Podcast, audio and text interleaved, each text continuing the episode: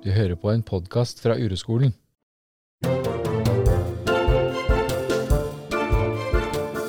I dag har jeg en veldig fin gjest foran meg her i studio, som heter Karoline Rypdal Ramberg. Velkommen. Takk for det, Rikke. Så hyggelig at du ville være med og lage podkast, da. Ja, følte det var en gyllen anledning til å virkelig gjøre noe nytt. Ja. Og hvordan kjennes det akkurat nå? Akkurat nå er jeg veldig urolig. Eller jeg kjenner virkelig det gjennom brystet og mellom gulvet og ned i magen. Eh, jeg klarer ikke helt å liksom etablere hva det hva det betyr, men eh, det er kanskje mye, altså mye spenning Mm. i kroppen. Mm. Og så er jeg jo allerede litt aktivert fra før av. Ja. Hva mener du med det? Nei eh, Jeg har sletta eh, på toget ved hi... Åh, Nå klarer jeg nesten ikke å prate, liksom. Men vi kan jo bare bruke tid. Mm. Du kan pust, ta et pust og Kjenne kroppen din. Kjenne pusten.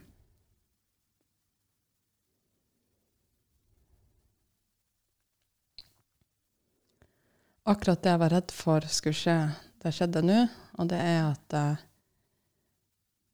stokker mye ord. Eh, Jeg føler at jeg blir veldig dårlig å kommunisere. Føler meg forstått.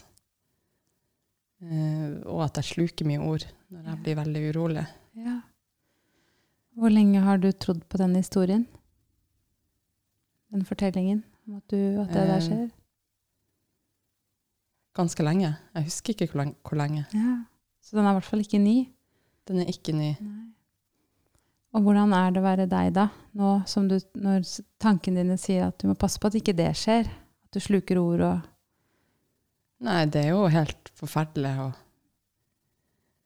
jeg er veldig imot at det skjer. Ja. Og jo mer jeg imot det er det, jo verre blir det. ja. Så hvordan er det akkurat nå, da? Akkurat nå så kjente jeg at jeg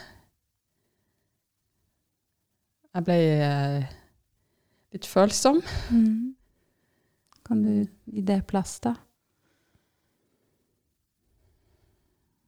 Stoppe opp og se at det sånn skjer når jeg får en mikrofon foran munnen.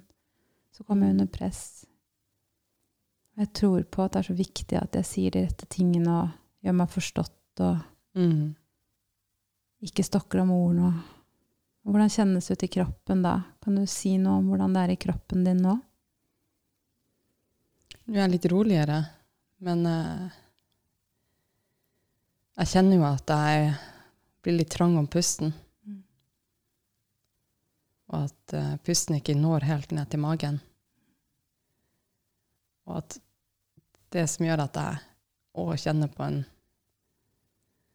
At jeg kjente at jeg ble litt følsom, er jo at det var bare så uvant å bli møtt akkurat i det jeg sier. Det at jeg føler at jeg babler og stokker om ord jeg sier det, fordi at det er så sykt skamfullt Ja. bli møtt på det når jeg Når det skjer, da. ja at Det har jeg aldri det. opplevd. Ja. Ja. Kjenner du det nå igjen? Mm. Så, det var, så jeg kjenner det litt godt òg.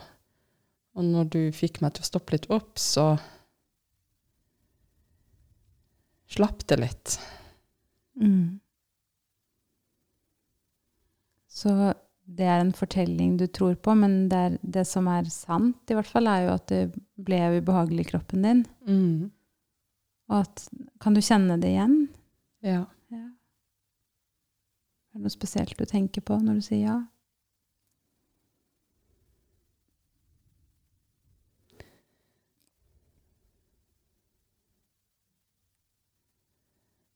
Nei, det, det handler jo om at jeg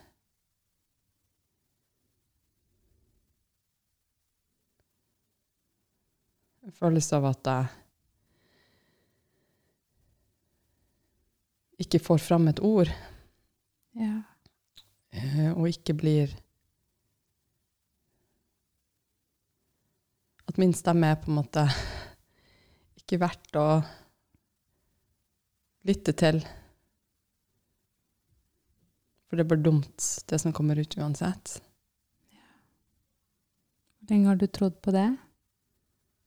Det har jeg nok trodd på hele livet. Ja. Mm.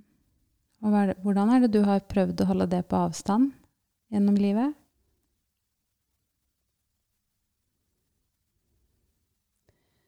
Det er jo å unngå blikkontakt når jeg prater. Eh, ha veldig mye digresjoner. Syns det er vanskelig å holde meg til en historie. Um, selv om jeg også mener at mange ganger kan digresjonene være de beste historiene, men at, Mm. at jeg sliter litt Eller jeg syns det er vanskelig å fortelle en historie fra A til B. Mm. Em, det syns jeg er vanskelig. Og i natt hadde jeg et mareritt, og det har blitt eh, hyppigere de siste ukene. Ja. Hatt samme mareritt, eller lignende mareritt, i veldig mange år. Eh, jeg syns det er veldig kjedelig å snakke om drømmer, men det er så ekstremt, eh, de marerittene, at jeg nesten gruer meg til å legge meg. ja. Fordi jeg våkner av min egen stemme, at jeg roper i søvne. Jeg våkner jo for at jeg roper jo, men jeg klarer aldri å få ut hele ordet. ja. Og det de drømmene har til felles, er at jeg ikke får ut et ord, at jeg mister stemmen min. Ja. Hvordan kjennes det ut i kroppen din nå, når du sier det? Nei, jeg syns det på en måte er godt å si det høyt, Mhm. samtidig som at jeg kjenner det er, det er veldig sårbart å være så ærlig om, om akkurat det. Så tenk at noe av ditt drama handler om at, du klar, at du tror på at du ikke kan si det du mener, liksom, eller Mm. si det du vil si. Og nå sitter du her på podkast og sier det. Mhm. Ganske kult, da. Ja. Er det ikke det? Jo, det, det, det er jo veldig Det er kult. Det er derfor jeg sa ja. Jeg syns det, det er spennende å gjøre noe jeg ikke har gjort før. Og jeg har jo veldig lyst til å bryte med akkurat den delen Mm. at jeg tror på at at min stemme er mindre verd, da. Mhm. Fordi når jeg klarer å være i kontakt med meg sjøl og, og stoppe litt opp og, og få tak i det som ligger langt under all den uroen som ofte driver meg, så kjenner jeg på at jeg får en, en slags styrke og en med tilstedeværelse i meg og en, en større aksept. Så det Så det er jo derfor jeg kjenner at nå er- nå vil jeg gjøre det som skal til for å gå mot akkurat den De tankene om at det er sannheten, om at min stemme er mindre verd. Mm. Og hvis man skulle liksom koke det ned For det er jo en del av en fortelling at det har noe med stemmen din å gjøre, og ordene og sånn. Men at uh, du kommer i kontakt med en følelse av å ikke ha noen verdi Mm. når du skal si, fortelle noe. Ikke sant? Så det er jo virkelig nyttig da, at du sitter her og forteller noe allikevel. Ta sjansen på det. Ja. Selv om uh, sinnet mitt hele tida akkurat nå sier 'Å, herregud, var det det her du skulle begynne å snakke om?' Gå rett i det, noe som er så skamfullt, og det er jo ikke noe du har lyst til å bli avslørt på, for jeg gjør jo alt jeg kan for å skjule det. Ja, du gjør det? Ja, ja. Ja. Hvordan gjør du det, da? Nei, jeg har vel sikkert noen strategier for å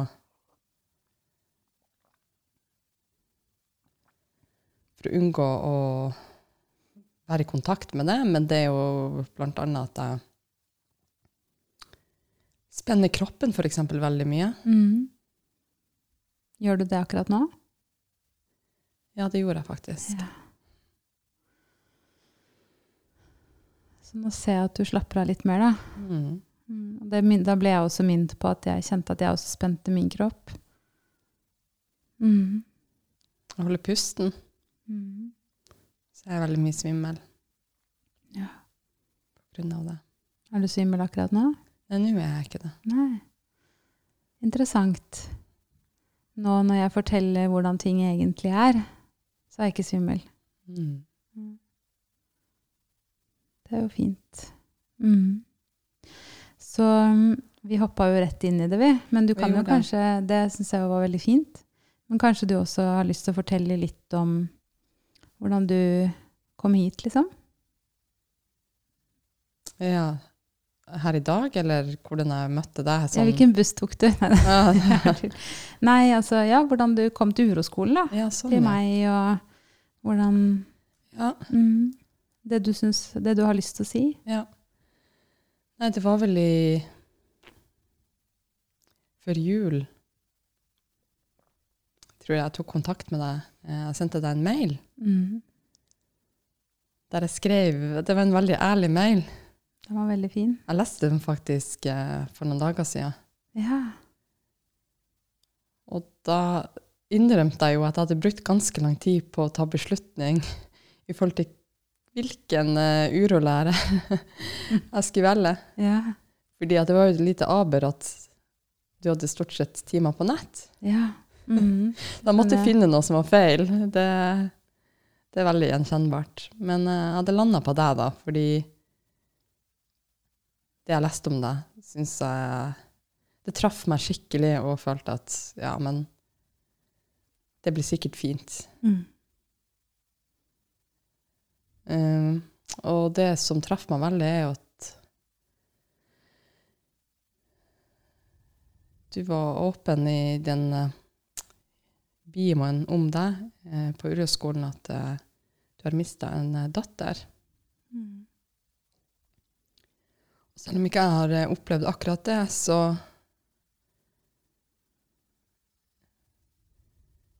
Så jeg tenkte at du Du hadde sikkert en eh, forståelse hvordan det er å oppleve noe som, som et tap, da. Mm. Og så skrev jeg vel til deg òg at jeg var veldig veldig lei av å være meg sjøl, og at jeg følte at jeg sto i sånn vakuum og egentlig bare jaga. At Ja. Så kom jeg til deg. Eh, Vi hadde faktisk en time her. Mm. Vi møttes jo Mm. live. um, og det var veldig fint. Uh, og, og så husker jeg at jeg tenkte på at jeg syntes det var så drit at vi brukte mye av timen på å snakke om hvordan det var, var, var å være med når jeg kom litt for seint til timen. For det var visst veldig mye greier med busser og det ene og det andre. Og det var et mønster, mønster jeg hadde med meg helt siden jeg var liten. Mm. Og det samme skjedde i dag. Jeg holdt på å komme for seint til det møtet vårt i dag. Ja. Og da mista jeg helt hodet. Føler meg Ja. som en hodeløs høns når det skjer. Og da blir jeg så lei meg og så frustrert for at Jo, men jeg har jo vært så flink så lenge om å være litt mer rolig og komme tidsnok og litt mer støtt i meg sjøl. Og, og så skjer det her og går rett tilbake til det samme mø- mønsteret. Mm. At jeg blir helt fra meg mister retning, og som et lite barn og begynner å hylgråte. og Mye som skjer for at verden går imot meg. I dette tilfellet var det en sparkesykkel som ikke ville skru seg av. ja. Og det plinga og plinga og plinga. ja. Til slutt gikk det jo, da. Men um, da kom jeg jo hit. Ja. Hvordan, hvordan var det når den sparkesykkelen sto og plinga og plinga? Hvordan var det inni deg da? Nei, jeg, jeg følte meg som et lite barn. Og at nå gjør jeg alt jeg kan for at det her skal gå, og så går det ikke. Enda jeg er på riktig parkeringsplass, og den sier bare ifra at jeg er utenfor parkeringssonen. Mm. Og ingenting nytter. Det her, det her er meninga, at Nå skal jeg kjenne på den massive, massive uroen, da. Ja, så fint. Og nå er jeg rett tilbake til eh, det primitive mønsteret mitt når det kommer Ja. til det med forsentkomning. Og hva er det du tror, hvis, du, hvis vi skal se på det nå, liksom, hva er det du kom i kontakt med da, når du står der og den plinger og du får ikke gjort noe? Jeg kommer i kontakt med at jeg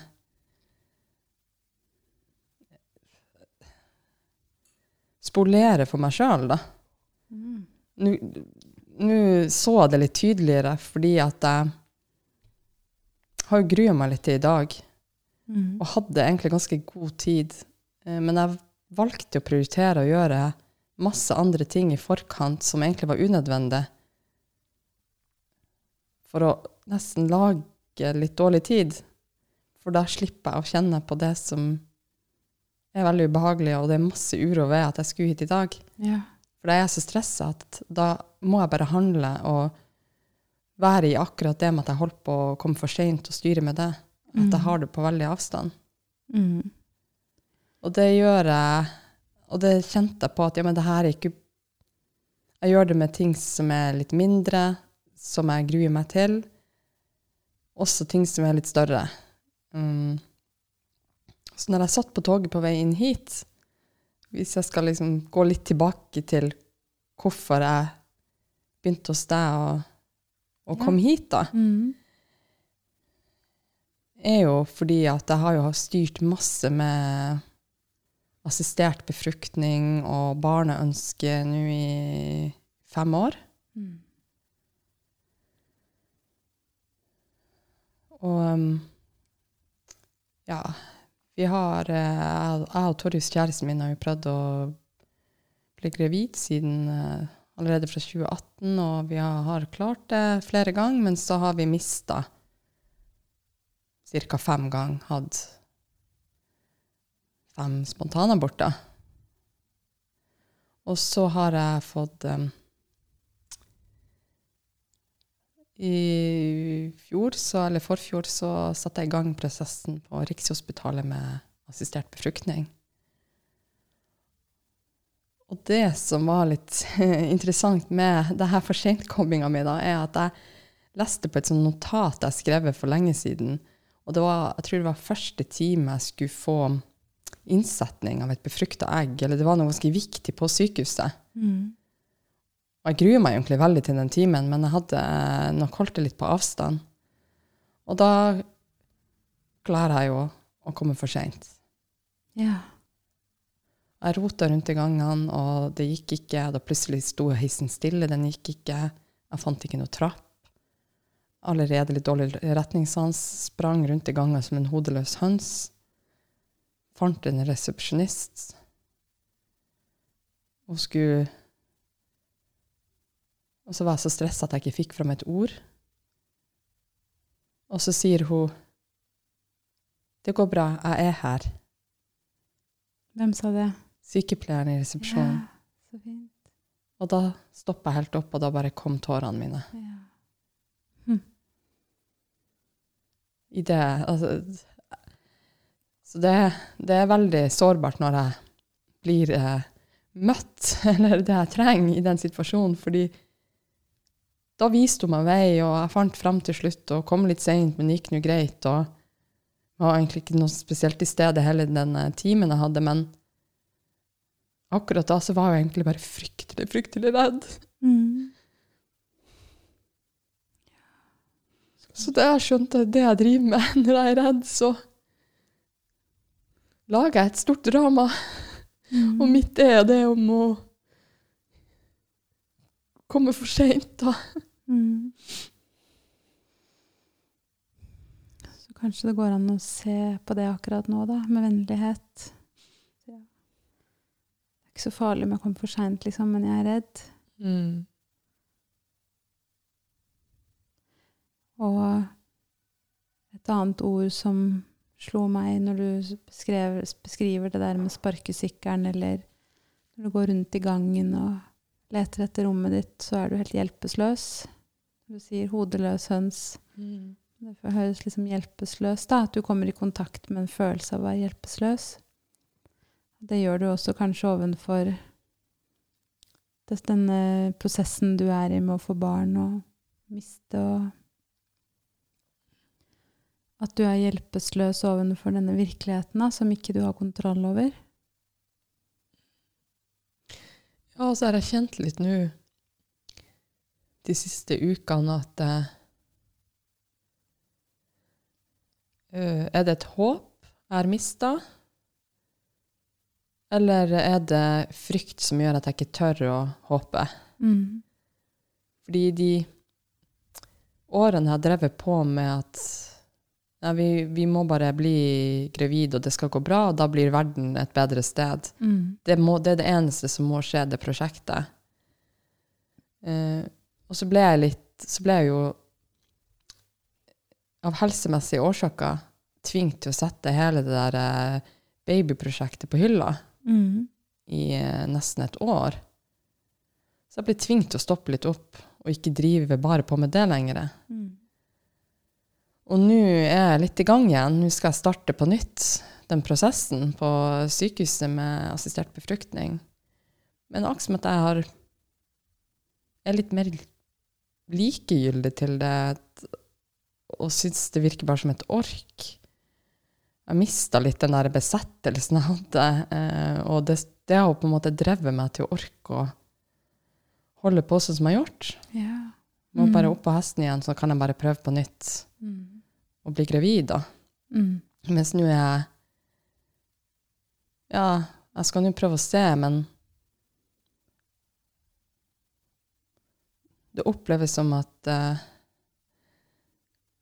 Jeg mista litt håpet for at jeg faktisk For at det faktisk kan gå bra, da. Mm. Og hvordan er det å være deg da? Eller hvordan er det å være deg når du sier det? Nei, jeg er litt tom. Ja. Kan du kjenne igjen det? Ja. Jeg liksom mister litt følelse, eller Tidligere har eh, mye uro drevet med på at jeg må bare videre, mens nå er det litt Nå har jeg ikke det. Jeg har ikke noe som driver meg lenger. Så nå er det føles det egentlig bare tungt å skal gå i gang med det igjen. Ja. Må du gå i gang med det, da? Det må jeg jo ikke, nei. Men samtidig så har jeg jo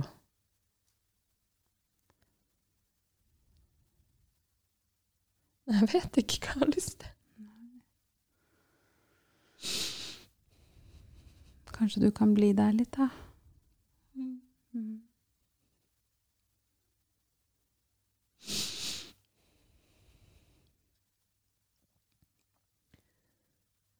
Akkurat nå så gjør jeg det litt for at jeg føler at jeg skylder meg og Torjus å prøve en, enda en gang. For at Aksel, som vårt forhold fortjener å bli foreldre, da. Ja.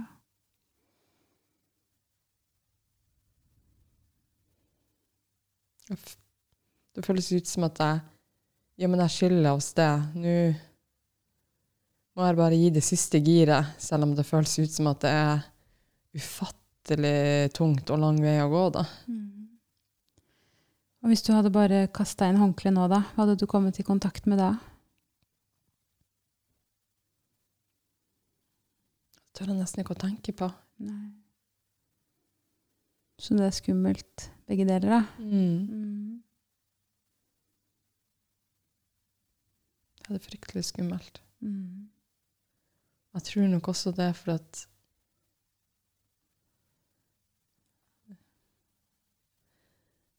Nei, hvis det ikke går, går da, så har vi liksom styrt med det her i så mange år. og mye av livet har handla om denne prosessen, Mm. da oppleves det litt sånn bortkasta. Ja. Hva da? Mm. Så sånn at bakenfor det prosjektet om å få barn, hvordan er det der, liksom? Hvordan er det å være deg i denne verden når det er sånn som det er akkurat nå? Sammen med Torjus og ja, det er da jeg kommer mer i kontakt med at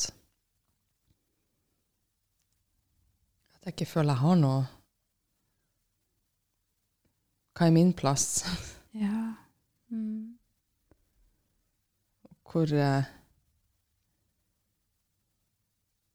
Hva har jeg å bidra med?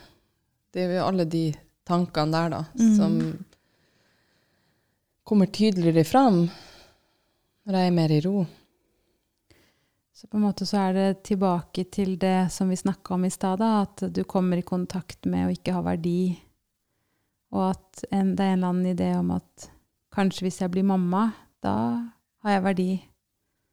Da kan jeg Det er bevis på at jeg har verdi, liksom. Mm. Så går det an, da, og at vi kan si at ja, men det har verdi for deg å kjenne på den følelsen som er at, at jeg tror på at jeg ikke har verdi, eller en følelse av ikke å være god nok, da. Ja. Den Og det er det har kjent på når jeg tok en pause fra å prøve å bli gravid. mm, Når jeg faktisk ikke kunne prøve å bli gravid pga. medisiner. mm, Så begynte jeg å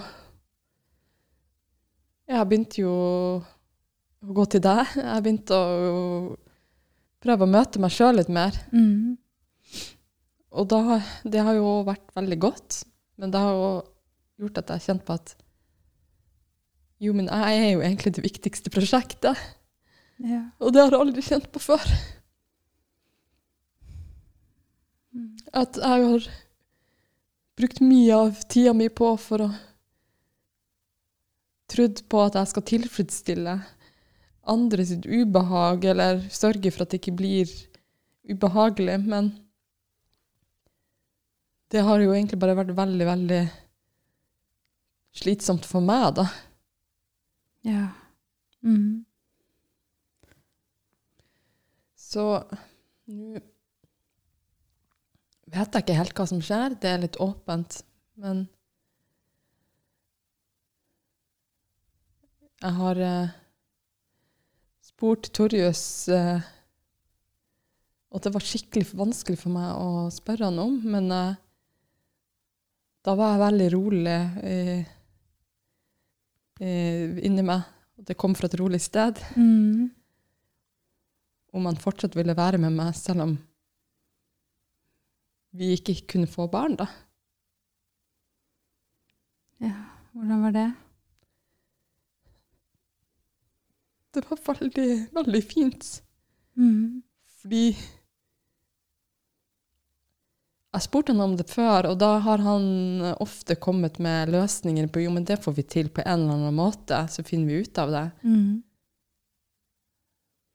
Men nå, når jeg spurte han og mente det, det jeg spurte om, mm, så så jeg på han at han, han skjønte at jeg mente det på alvor. Det var ikke noe jeg sa for at han skulle For at han skulle hjelpe meg å ta bort den, den smerten og si at det skal gå bra. mm, Men da sa han at ja, men selvfølgelig vil han det. ja. At det var det viktigste. Mm, At det var vi to. Det var veldig fint å få den bekreftelsen. mm, Og det har òg Det var godt for meg å få den.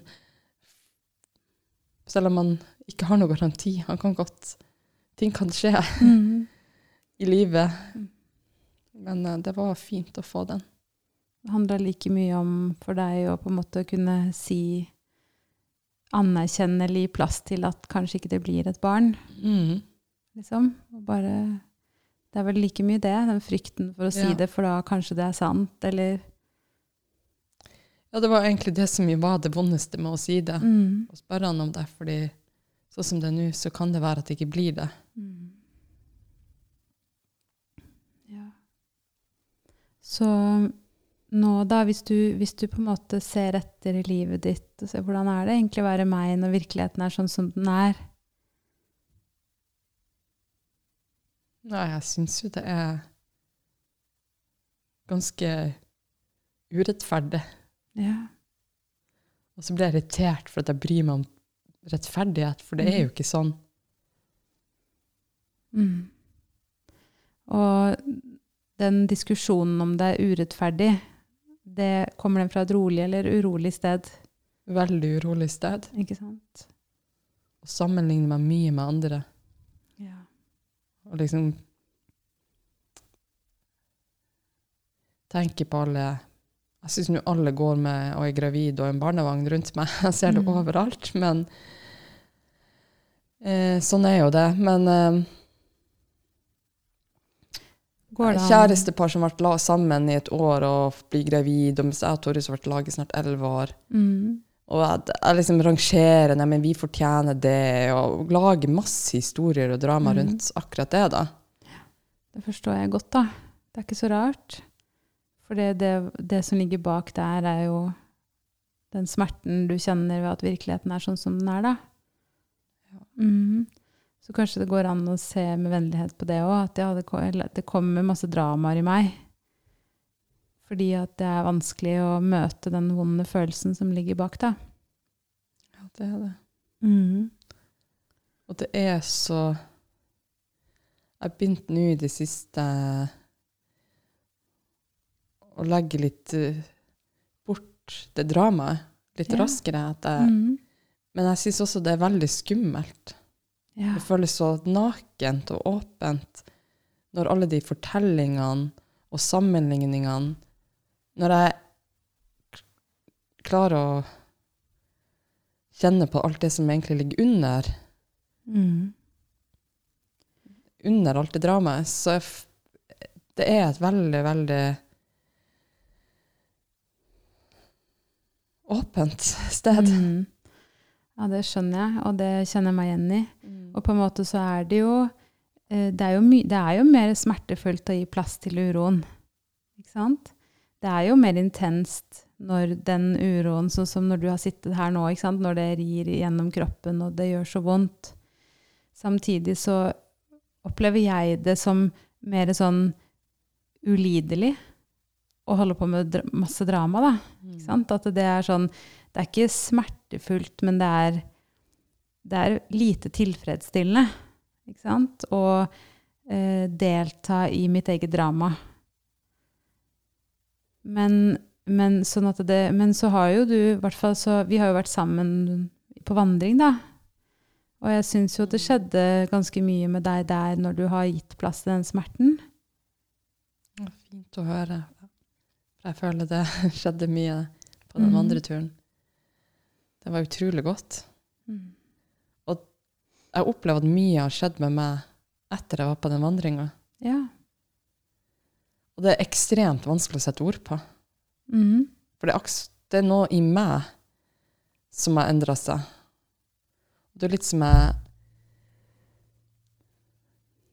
um, Jeg har sagt til deg før, men jeg følte at når jeg dro dit, så var det litt Karoline 01. Og når jeg kom hjem og hadde Karoline 02 Yeah. Det kan godt være at det var eh, de første dagene etterpå at jeg følte meg litt uh, i sånn euforisk zen-tilstand. Men uh, Og så fort det kom Altså, jo lenger inn i uka, jo mer kom tilbake den Ja, OK, her er all den uroen. Mm. Like sterkt tilbake. Men forskjellen er vel kanskje at den er, den er der, men den tar ikke Har en litt mer observerende opplevelse av f.eks. når det kommer kritikerangrep, ja. eller at jeg kjenner i forskjellige settinger som gir meg veldig mye uro. Som at jeg gjør alt for første gang etter den vandringa. Ja, så kult. det er vel egentlig den, den måten som er den beste beskrivelsen på hvordan jeg føler at den Karoline 02-versjonen er. Ja. At jeg møter alt som jeg har gjort før, men bare litt på en ny måte. Mm. At jeg kjenner mer igjen når det kommer i kroppen, og hvor det setter seg, de spenningene. Uh, jeg har veldig mye spenninger i kroppen og kjevene. At jeg klarer faktisk å registrere det, enn at det bare går på helt automatikk. Mm. Så det er, en, det er ganske stor forskjell. ja. Så det har vel òg gjort at um,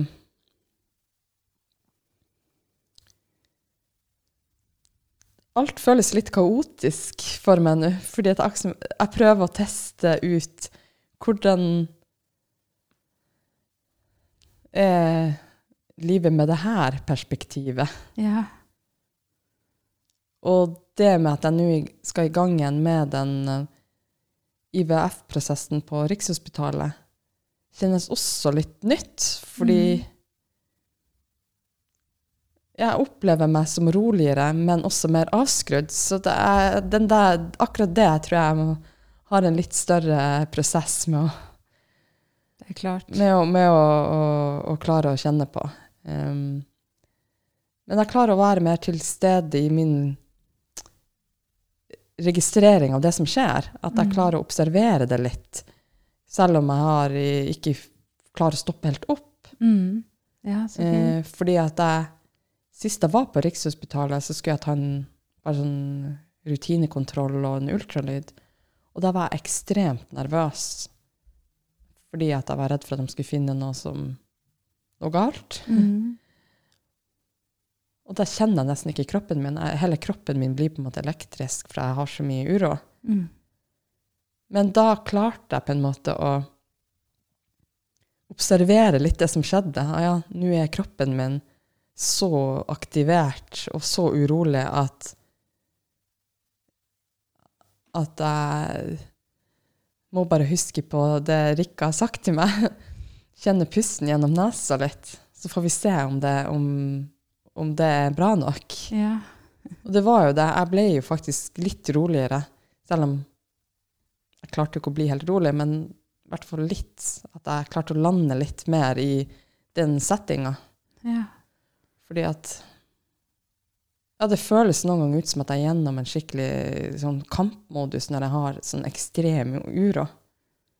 Så bare det Det kjenner jeg igjen selv òg, da, men Mm. at det, det kjennes ut som det er friere når jeg oppdager at nå er jeg veldig urolig, og jeg klarer ikke helt å gjøre noe med det. Men bare det er liksom noe annet enn å bare være urolig. Mm. Det er akkurat, og det er det jeg opplevde i dag òg, når jeg styrte med den sparkesykkelen, at ja, nu, det, var- det var maksimert. Da var jeg òg i sånn kampmodus, og da fikk Mm. jeg ikke gjort noe å puste. Men jeg klarte å slippe det litt raskere når jeg kom meg ut, når den situasjonen hadde roa seg. Mm. Um, og se litt på det og faktisk flire litt av meg sjøl. Ja. Hvordan jeg sto og til slutt fikk hjelp av en ganske ung gutt som måtte drive og hjelpe meg. Og så det, jeg bare ser det situasjonen litt utenifra, så kan jeg begynne å flire. Det hadde jeg faktisk ikke gjort for bare noen måneder siden. Ja, så herlig. Så det er jo en ressurs, da. Ikke sant? At Ja, du står der der og kjenner at du er urolig, og sånn, og at du til og med kan le litt av det. Ja. Og se humoren i det, liksom. Mm. Mm. Det, er jo venn, det er jo noe vennlig over det, ikke sant? Mm. Men, men du sa det her med spenninger i kroppen og Hvordan var det fordi at når vi var på tur, hvordan en, endra det seg for deg? Eller fordi du, du forsker jo en del på dette, ikke sant? Med fysiske smerter og Mm. Ja, jeg har jo hatt veldig mye vondt i hofta og høyre side av kroppen. mm. Og, og uroa meg ekstremt mye for det. Ja. At det kan være noe galt, og tatt, vært på MR og tatt masse undersøkelser.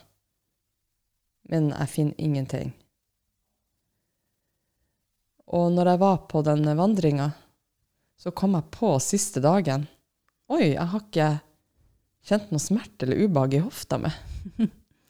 Ja, så kult. Så det var, det var skikkelig interessant og interessant å erfare. Ja. Men eh, den, det har jo kommet tilbake igjen nå, Ja, så fort jeg kom tilbake til sivilisasjon. ikke sant? Så jeg tror nok jeg har gitt Og da, og da kjente at ja, men det er jo ikke så rart. Jeg det ekstremt mye oppmerksomhet. Veldig mye fokus har gått til hofta mi. Ja. Mm. Gjort alt jeg kan for å prøve å finne ut hva det er. Og Ikke så rart at det har kjentes veldig mye tydeligere. Mm. Og så når vi var på vandringa, så var det så mye annet som eh, fikk oppmerksomheten min, og jeg var veldig til stede. Og ikke nok med at jeg Så det er jo på en måte én ting, eh, men jeg har jo en eh, MS-sykdom, og der er jeg jo Et av de symptomene er fatigue Mm. sånn overveldende trøtthet. Og det har jeg slett ekstremt mye med. Ja. Kan det komme, har det kommet sånn når som helst? Det kan komme når som helst, men Ja. så kan det òg komme mer i spesifikk situasjoner. situasjon. Altså, jeg har gjort veldig mye Jeg har brukt veldig mye kapasitet på å legge til rette for at jeg skal unngå å få fatigue. Ja, ja. Og det mm. syns jeg er fryktelig slitsomt. Fordi jeg liker jo egentlig å være litt spontan, men ja, jeg kan ikke planlegge for mye mye i løpet av en uke. Jeg kan ikke planlegge for mye på en dag. Eh, hvis jeg har sover dårlig, så går det veldig mye utover. Mm. Da blir jeg ekstra sliten. Og bruker mye tid på det, da. Det som var veldig interessant når vi var på vandringa, eh, var jo når vi ikke hadde klokke eller mobiltelefon. Yeah. Jeg syns det var en skikkelig befrielse, for da kunne jeg ja, men da kan jo egentlig kroppen min være en klokke, eller fortelle meg litt hvordan jeg har det, istedenfor at til vanlig så blir jeg veldig styrt av tidspunkt. Og det med søvn, og ja, nå har jeg sovet lite, men da er jeg jo da blir jeg sliten, og så blir jeg jo faktisk sliten. Mm. Men eh, den første dagen på vandreturen så tror jeg sov veldig lite. Jeg kan jo egentlig ikke vite, for jeg sov ikke på klokka. Mm. Men jeg sto opp, jeg tror det var um, veldig tidlig morgen, for det var endra litt skumring. Men så våkna jeg for at jeg var så enorm kald der jeg lå i soveposen. Eh, så jeg måtte stå opp. Eh, visste ikke hvor jeg skulle av meg. Jeg var så kald, så jeg løp litt for å få i varmen og kledde på meg, og så sovna jeg igjen, men sov veldig dårlig. Mm. Jeg var ikke så veldig sliten dagen etterpå. Nei. Var til og med med på en lengre tur. og ja, jeg, jeg synes det var, det var en skikkelig sånn aha-opplevelse for meg. Og ja, hvordan det Hvordan effekt det er å være til stede i, i det man gjør, og i kroppen. Mm. Så Så det, sånn at det, den måten du rigger livet ditt på for å Mm. unngå å bli sliten, det er den som er slitsom. absolutt. Mm. Og at jeg kan få litt sånn nesten panikkfølelse hvis jeg er i en situasjon eller setting der jeg kjenner at nå blir jeg sliten, så blir jeg bare mer sliten. Ja. Eh, sånn som i går når vi var ute og spiste. Mm. Eh, så begynte jeg å kjenne at ok, nå begynner jeg å bli sånn fatigue-sliten i hodet. Og da er det sånn at jeg egentlig bare har lyst til å fjerne meg fra situasjonen, for jeg får en sånn bomull i hodet. Og så får jeg helt sånn dotter i ørene, og det er vanskelig å fokusere på hva andre sier. Det gjør på en måte vondt i hjernen. Det er sånn hjernetåke. Mm. Uh, men så sa jeg det høyt til hun eh, jeg prata med. Mm. Bare sånn Unnskyld, jeg har veldig lyst til å høre hva du sier akkurat nå, men nå er jeg Nå fikk jeg veldig eh, sånn hjernetåke og helt sånn dotter i ørene, så jeg må bare stoppe litt opp. Ja. Og så puster jeg litt. Og så ble jeg roligere. Mm. Og så gikk det greit. ja. Det, det er faktisk nesten det, det er veldig sjelden jeg kan si det, Mm. med mindre det er noen jeg er veldig nær, da. Men det, Mm. det, jeg opplever at det ikke er så passende å alltid være, kunne være så ærlig om det. Og det var jo kanskje det jeg opplevde på vandringa, at uh, ved at man kunne stoppe opp, snakke om det man som kommer opp, og være ærlig om mye av den uroen man går med, og, og um, alt slags eh, mønster man driver med, og begynne å se litt på det som ligger under der, Mm. og være sammen med andre når du gjør det, Ja. det gjorde at da er jo egentlig ikke livet så slitsomt når man kan møte hverandre på den måten. Det gjør man jo ikke. Nei. Og hvem er det som sier at det ikke er passende å være ærlig? Det er vel samfunnsstrukturer, eller jeg har vel ikke helt opplevd Hvem er det som sier det til deg, da? Det er jo meg. Ja. Mine Er det deg? tanker. Sier Tankene mine sier jo det Ja, at det passer seg ikke nå. Mm. Den indre kritikeren, Ja. eller tankene, ja. Kan du kjenne igjen det, at, eh, at det, tankene prøver å få deg til å holde kjeft, eller trekke deg tilbake, eller Ja, det gjør jo det egentlig i det meste. mm. Så hvis du hadde Det var det satt en ved siden av deg som du ikke kjente så godt, og, og, så, og så sa du bare 'unnskyld meg, men uh, nå fikk jeg litt hjernetåke her'. Jeg klarer ikke helt å fokusere på hva du sier. Vil, hvordan kjenner du det nå? Liksom Tanken på å gjøre det? Hvordan ville det vært? Nei, det hadde vært Det hadde vært vanskelig. Mm. Men altså, egentlig bedre det enn at Jeg tror man kan se ganske tydelig på meg når jeg mister fokus og ikke er til stede. Og det Mhm. skjer jo mye. Ja. Og så kan det jo være i settinger som jeg Hvis jeg er litt nervøs, eller øh, er litt selvbevisst, eller føler meg litt liten, og alle, i en litt ukomfortabel setting, Mm. så kommer det jo raskere, den hjernetåka. Mm. Så den har noe, noe med uroen å gjøre? Det har det. Mm. Og det jeg mer og mer kjent på etter den uh, vandringa, er jo at ja, eh, jeg har tydelig hatt ekstremt mye fatigue, i hvert fall etter jeg hadde eh, mye aktiv sykdom og betennelse, så har jeg jo hatt det sånn, også fysisk og mentalt, men så har jeg det òg så ofte, så er det vel litt sånn, å, kanskje jeg må skille det litt, hva er egentlig hva? Og jeg får mye mer fatigue når jeg har vært veldig selvbevisst og gruer meg til en ting, eller eh, Ja, så kommer den jo tydeligere. Mm. Um, Så kanskje Eller jeg tror ikke det er mulig å skille det, da. Men Mm. fordi at hva er hva her, liksom? Det vet vi jo ikke. Men jeg tror jo det er nyttig å se på det med, med de øynene. At ja, men jeg ser en sammenheng mellom fatigue og uro. Eller indre uro, smerte. Og at det Mm. går an å Du har jo denne MS-diagnosen, så kan du bruke den og dette som et laboratorie, ikke sant? ja, det har veldig lyst til det, eh, kjenner jeg nå, fordi at det, det var så lite Altså, det var så Det var så fin erfaring å oppleve det på vandringa at den ikke styrte hele hverdagen min. Mm. Og jeg, jeg kjente jo faktisk litt Det var et par ganger jeg kjente på den der fatiguen kom. Men det gjorde ikke noe at den var der. Jeg klarte å inkludere den litt inn Ja. i situasjonen jeg var i. Ja, så fint. Og det gikk liksom fint, for at her kan jeg komme med hele meg hvor jeg er her og nå. Mm. Ja. Og det var en stor forskjell, og da gikk det jo på en måte litt over av seg sjøl litt fortere. At det vedvarte så lenge som det kan gjøre. Og, for det var, hjelper jo faktisk ikke å hvile mot fatigue. Nei. Det gjør det jo ikke. Og altså, nevrologen min sier òg at uh, stress er vel kanskje det verste for MS-sykdommen.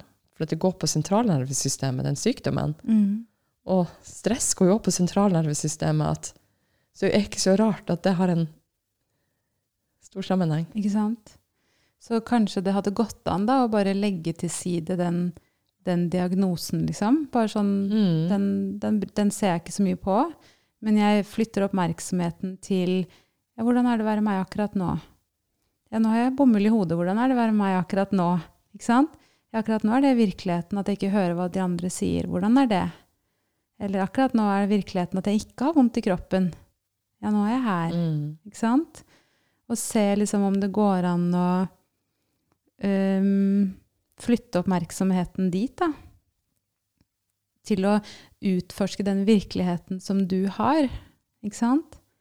Mm. Eller det samme med hvordan er det å være meg nå på vei til Rikshospitalet for IVF-behandling? Hvordan er det, liksom? Hvordan er det å være meg nå? Nå er jeg her.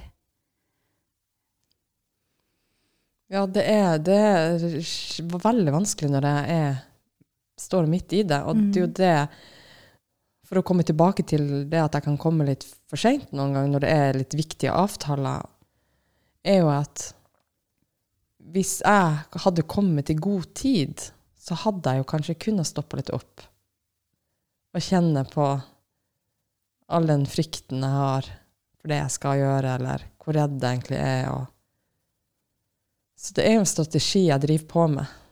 Er du for eller imot at du har den strategien? Veldig imot. Ja. Går det an å bare Ja, så nå er det sånn. Mm. Nå kommer jeg for seint. Det er jo også bare en tanke. Jeg kommer når jeg kommer, det er helt Mm. sikkert. Ja. Ikke sant? Hva, hva er det da for seint? Det, det er jo en tolkning vi har, liksom. ja. Da Det kan det være at jeg går glipp av den viktige timen, f.eks. Ja, så da kan du kjenne på hvordan er det. Mm. For det kan jo være da at ja, så går du glipp av den, da, men du kunne jo ikke gjort det noe annerledes. Det hjelper jo ikke at du mener at det er veldig viktig at du ikke går glipp av den viktige timen, hvis du går glipp av den. ikke sant? Ja. Må vi komme tilbake til ja, nå, nå er det sånn. Mm. Så det er jo virkelig et laboratorie, da. Ja, det det. Ikke sant? Alle de symptomene som du har på MS. Mm. Og det er jo ganske interessant å bare se og, og det er jo, som du sier, det er vanskelig, fordi at når du står midt i det, så kanskje ikke du kommer på det. Og da kan du jo ikke gjøre noe Da kan du jo ikke gjøre noe. Ikke sant? Jeg Hvis kan jo ikke det, det, men kroppen min sier jo veldig tydelig ifra, da. Fordi jeg har jo, veldig, har jo en del sånn nervesmerter og nummenhet, spesielt i høyrehånden. høyre hånd. Mhm. Det er jo der egentlig hele tida, men når jeg er veldig stressa, f.eks., så er det jo som Det skulle nesten vært som at jeg hadde gått rundt som et sånn Sendt ut strøm, fordi det er så ille. Og da blir jo jeg enda mer stressa fordi at jeg opplever alle de symptomene Mm. og skjønner òg samtidig at men det er jo fordi at jeg driver på med det her og er ekstremt urolig, da. Eh, F.eks. at jeg har dårlig tid, eller eh, Men fortsatt driver jeg og utsetter min egen helse, for det er ikke så viktig. Sånn har jeg drevet på med. Um, Sånn holder den indre kritikeren på, da. Mm, sånn holder sant? den på, så har jeg Mm. det gående, og så klarer jeg på en måte ikke da Da blir det veldig vanskelig for meg å stoppe opp Mm. og ta om så bare ett sekund, da, Mm. og si Møte meg sjøl litt. Mm. Er det noe som du liker å gjøre, eller som du har lyst til å gjøre mer av, eller som du kunne tenke deg å gjøre i livet ditt?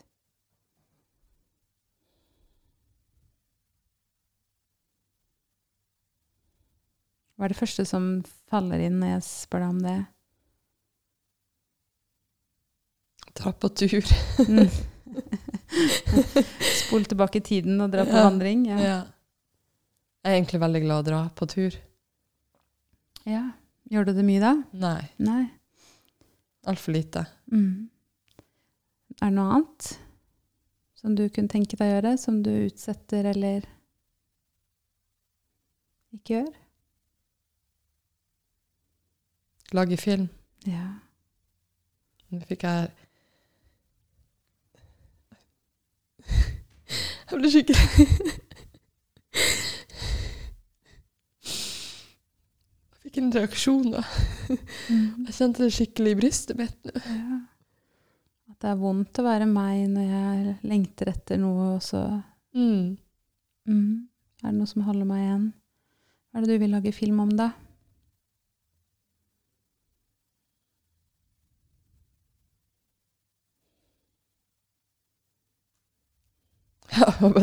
Jeg vet egentlig ikke. Det første jeg tenkte på, var å holdt på å si Kampen mot uroen, fordi jeg ser på den boka som står der borte. Men det, Ja, så fint. nei, men det er jo Altså, det er jo egentlig Noe jeg tenkte på på vandringa, det var noe jeg delte i fellesskap. Det var når eh, vi hadde gått i stillhet på tur. Og så gikk vi i barføtt i skogen og på fjellet. Mm. Og jeg syns det var så sykt deilig å gå barføtt. Ja. Jeg, fikk, jeg ble skikkelig rørt når jeg gikk. Tårene trilla. Og ja, jeg vet ikke, jeg fikk en reaksjon på å gå barføtt i naturen. Jeg følte meg Ja, jeg ble skikkelig overraska, for det er noe jeg egentlig syns har vært veldig har prøvd på tidligere og syns bare har vært kjempeubehagelig og vondt og ekkelt. Mm. Og da delte jeg den episoden med dere andre, og det var om et dikt jeg leste på et legekontor da jeg var 18 år. Mm. Eh, Det handler om eh, en 85 års gammel dame som, he, som eh, skriver dikt om om hun skulle ha levd livet om igjen. Og det har jeg hatt egentlig med meg siden, men det kom skikkelig sterkt til meg etter jeg gikk i barføtt i naturen. Var at ja, det er jo egentlig det her hun prøver å formidle i diktet. Om at uh, alt hun skulle ha gjort hvis hun hadde fått lov til å leve om igjen. Mm. Og jeg kjenner jo på at ja, men det har truffet meg sånn det diktet er, fordi at jeg har følt litt det hun prøver å formidle i det diktet, om alt hun skulle ønske hun hadde gjort. Men så hun, har jeg jo muligheten, og er veldig mye yngre, til å faktisk kunne gjøre noe med det. Mm. Men jeg vet at det er så skummelt å gjøre noe med det. Det er så skummelt å ha flere øyeblikk og ikke ha et, alltid et sikkerhetsnett, og, som er alle de strategiene mine Mm. og mønstrene mine for å unngå å kjenne på min egen uro. Så jeg hadde litt Så jeg har kjent nå i det siste på at jeg har lyst til å omformulere det diktet. Ja. Til, i, I en filmsammenheng. Ja, kanskje i filmsammenheng. Ja. Om jeg Hvis jeg skulle Altså Bytte ut med om igjen med her og nå. ja. Uh, og jeg har lyst til å se på det. Eh, med et kamera, da. Men uh, Og hvordan det blir, og hvordan den, hvor den veien tar meg, og Mm. hvordan tur det tar meg på, og hvem jeg tar meg med, eller hvordan personer jeg møter på den veien. Mm, Mm. Så da har du gitt deg selv en superoppgave, da. jeg har det. Akkurat nå, live på podkast. Ja. Nå er det mange som hører det. Så lager du film. Ja. Bare å begynne, ikke sant? Vet, ja, og da kommer det jo veldig mye tanker om at det Ja, blir vanskelig. Ja, ja. Og når jeg foreslo at du skulle være med på vandring, Mm. hva sa tankene dine da? Det her blir vanskelig. Så- Ja, og så tenkte jeg, men, eh, og så tenkte jeg, å, men blir det her så vanskelig? For tur, det er jo noe jeg kan litt, Mm. og det har jeg gjort mye i oppveksten. Eh, ja, jeg er vant med litt hardere tur, jeg er fra Finnmark, og ja. Mm. Men jeg kjente jo fort på at det er så mye mer enn bare det å gå på tur. Eh, det, det å være på tur med noen fremmede mennesker, Mm. og forholde meg til det, gir meg masse uro. Ja. Fikk du noe ut av det da? Jeg fikk veldig mye ut av det. Ja. Så kanskje du får noe ut av å lage film òg, da? Ja. Det er ikke kanskje. Vi vet jo Men jeg har jo hatt, også tenkt på at jeg har, hadde vært fantastisk å kunne dratt på en vandretur med kamera. mm. Da begynner jo det der eh, kritikerangrepet med at ja, men det blir vanskelig. Tenk på alt det etiske rundt det. Ja. ingen hadde jo, Det var jo veldig mange som åpnet seg om veldig dype, vonde, smertefulle følelsene som ligger under alle uroen. Det hadde jo ikke kommet hvis det hadde vært kamera der. Kan du vite det? Det kan jeg ikke vite, nei. Nei. Så det er det så det er, ha. det er bare tanker, Det er bare tanker. Og det er bare sinnet som begynner med sånn Det kommer ikke til å gå. Ikke sant? Det kommer ikke til å gå. Har du prøvd? Jeg har ikke prøvd. Nei. Og jeg har eh, hatt sikkert ti forskjellige ideer i veldig mange år. Mm. Men jeg har aldri klart å komme meg videre. Fordi at den der indre kritikeren stopper før jeg klarer å gjennomføre. Så hvis du tar du oppgaven nå, da, som er å begynne Ja. Ja. Ja, Ja, vi skal ja jeg skal begynne. Jeg skal begynne å være i Utforske det videre. mm, Veldig fint. Mm. Takk. Hvis jeg skulle leve mitt om igjen av Nadine Starr, 85 år. Hvis jeg skulle leve mitt liv om igjen, jeg ville våge å gjøre flere feil. Jeg ville slappe av, være mer smidig. Jeg ville være mer enfoldig.